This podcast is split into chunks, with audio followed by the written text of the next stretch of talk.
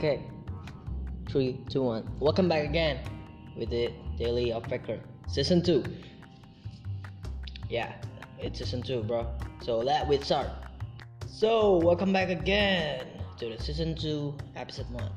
Oh my god, it's so really long time. We're the last uh, the last time I record this podcast karena gila udah lama banget nggak record dan cukup lama kayaknya sebulan yang lalu Arul dan intinya udah lama lah bulan kemarin kalau nggak salah eh, ngerek- ngerekam podcast. Sebenarnya ada rekaman-rekaman podcast yang gua record tapi eh, menurut menurut gue tuh nggak terlalu cocok aja untuk di upload karena the first thing ya walaupun isinya toxic tapi full banget toxic. Karena isinya tuh nggak terlalu penting dan isinya itu malah kayak hate speech malah kayak eh, toxic aja tanpa ada yang bisa diambil moral. Walaupun ada pembelaan sedikit di akhir adalah bahwa itu adalah eh, ada yang yang moral bisa kita ambil. Tapi menurut gua itu nggak terlalu aman karena ya itu isinya cuma talk.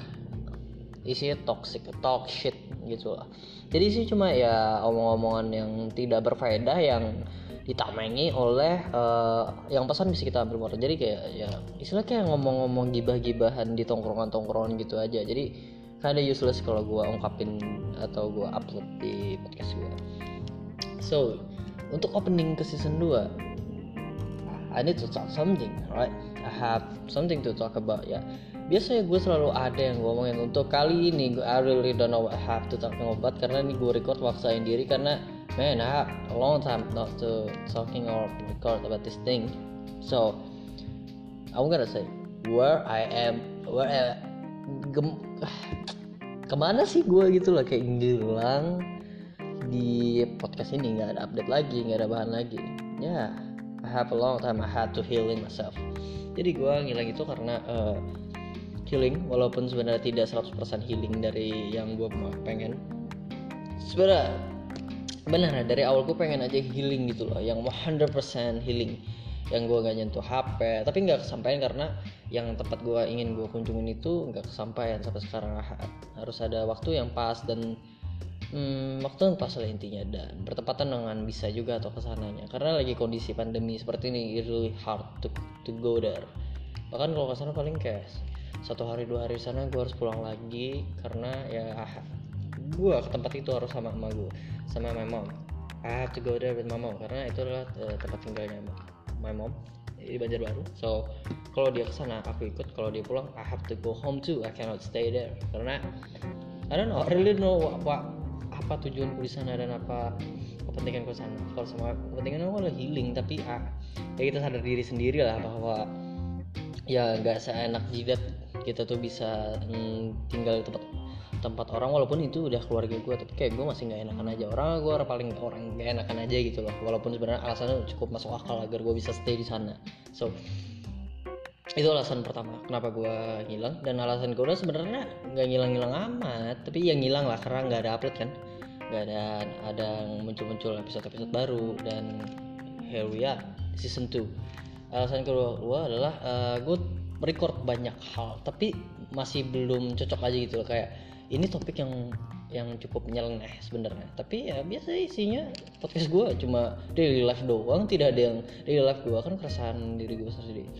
Jadi itu dua hal lah dua hal. Yang kadang satu gue harus healing myself dan kedua isinya gaje dan tidak gaje banget sampai yang tidak relate dengan kehidupan kalian lah. Walaupun gue nggak maksa untuk harus relate banget. So let's start Eh, selalu kan gue ngomong tentang keresahan gue tersendiri. Keresahan gue tersendiri adalah eh, kehidupan gue aku eh, gue tuh merasa kayak berbeda daripada diriku yang sebelumnya. Tapi orang-orang yang selalu yang ada di sekitar aku tuh gue gue man I really don't know what use gue aku gue aku oke. Have to talk more oke.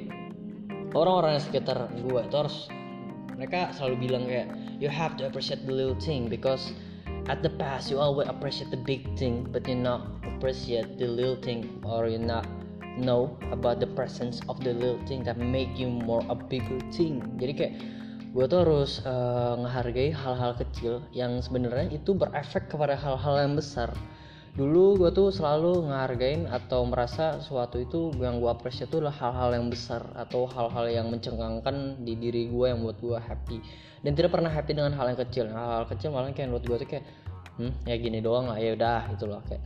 Harusnya gue harus lebih appreciate about that thing. Jadi untuk sekarang gue have to appreciate the little thing. Karena hal-hal kecil aja bisa membuatmu bahagia apalagi hal-hal besar. Tapi kalau kamu hanya bisa dibahagiakan atau disenangkan dengan hal yang besar bagaimana kamu bagaimana kita bisa bahagia dengan hal yang kecil gitu loh. Jadi we start from the little thing until it's gonna be bigger.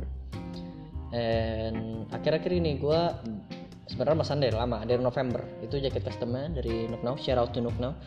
Uh, Now itu uh, kayak jasa lukis denim. Itu yang gue pernah lihat ada sepatu ada jeans ada jaket denim. Jadi yang gue pesan itu adalah uh, jaket denim yang desainnya tuh terinspirasi dari pelukis Bali. Jadi pada November tanggal 8an atau tanggal 10an intinya setelah November November lebih kalau nggak salah. Jadi gue mesannya itu kalau nggak salah November karena gue baru ingetnya November pesanan Novemberan gitulah kalau nggak salah. Kalau nggak November Oktober. Jadi gue pesan ke orang itu pertama tuh orang nanya-nanya doang karena pertama ada satu desain yang bukan desain sekarang adalah desainnya kayak uh, kayak barong kayak barong barong doang literally barong. Dan dari situ uh, di, dibilang harganya lah jasanya sama jaketnya dari 550 ribuan gitu. 550 ribuan itu jasa lukisnya belum lagi sama jaket. Berarti 600 650-an atau 700-an lah. Sampai akhirnya gue punya alhamdulillah punya rezeki lebih agar bisa yang ngikutin desain yang gue suka banget. Itu desain yang sekarang itu. Itu kalau nggak salah layak atau barong? Kalau nggak salah layak sih. Harusnya layak. So if I'm wrong just correct me oke okay? kalau nggak salah itu layak. Karena barong itu beda banget kalau nggak salah. Jadi ada ciri khas tersendiri bedanya layak sama barong. Dan di situ ada ular-ularnya di mana ada kayak uh, penyihir yang mukanya hijau gitu megang layak atau barong terus di layak atau barong itu ada ular-ular gitu. Jadi sebenarnya itu uh, pengen gue jadiin hadiah ulang tahun gue dan ter terjadi tapi tidak bertepatan pada ulang tahun gue sebenarnya pada harusnya tuh hadiah ulang tahun gue tahun kemarin. Tapi karena uh, tidak pas aja waktunya malah itu setelah ulang tahun gue baru mesen gue nggak salah. Ini ya November. November kan? Ya intinya November atau Oktober tuh mesen dan baru sampai atau baru jadi itu bulan April akhir dan baru sampai awal Mei. Baru kemarin sumpah. Jadi tanggal 1 Mei itu udah sampai di, di tempat tinggal gue di Banjarmasin. Jadi gue ngambil ke pihak JNT dan gue ambil tetap gila. This is the dope thing. Jadi dari tahun kemarin gue pengen aja gitu. Kayak gue lihat orang-orang tuh punya fashion yang good uh, fashionable banget yang tau lah fashion itu yang gimana. Orang pada saat itu fashion pada tahun kemarin walaupun sampai sekarang sih fashionnya pasti hype hype yang tipikalnya uh, stereotype banget gitu. Fashionnya hype. Kayak Jordan uh, Supreme of, of White something like that.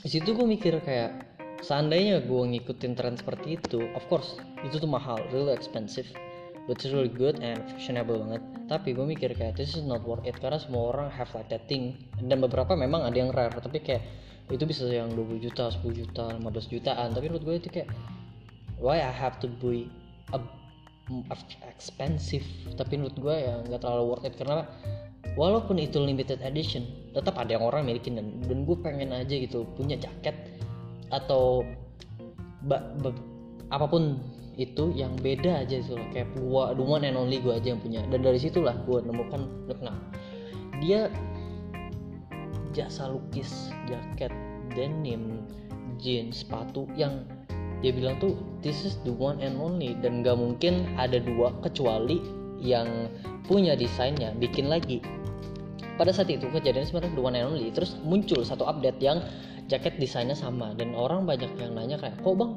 jaket desainnya sama? Katanya cuma satu doang.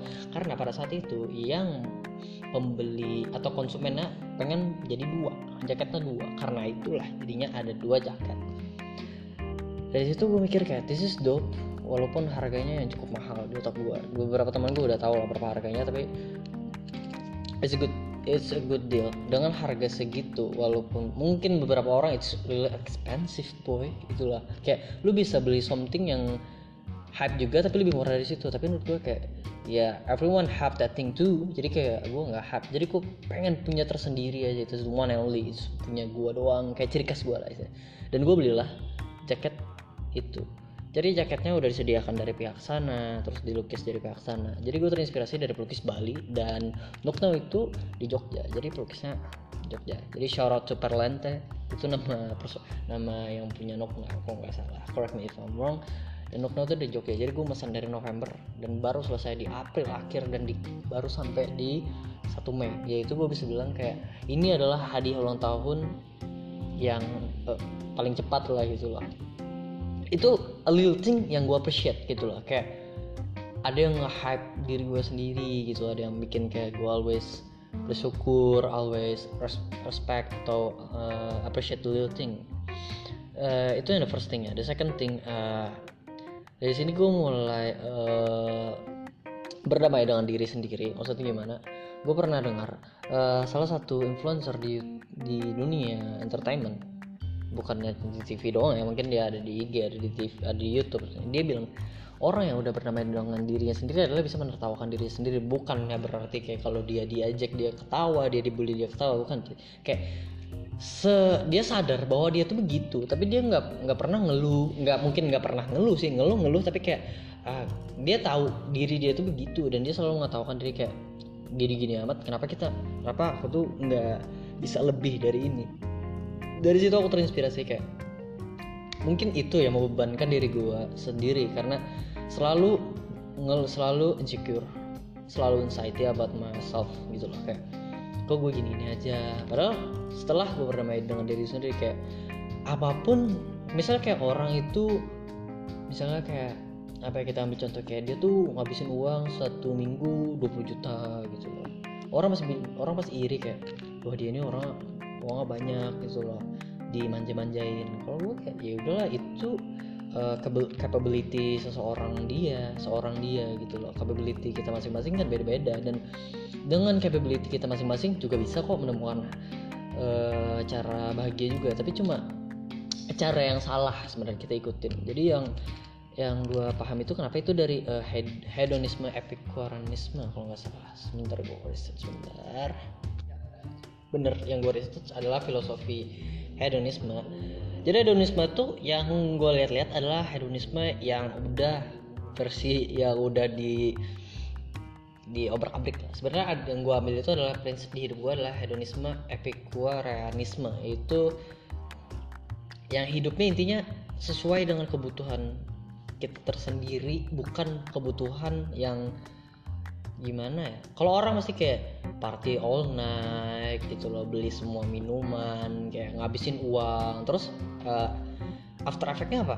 Malah kayak kita muntah malah rugi malah rugi istilahnya. Kalau kita kayak beli bah bah barang-barang branded tapi kredit itu kan malah buang-buangin uang gitu lah.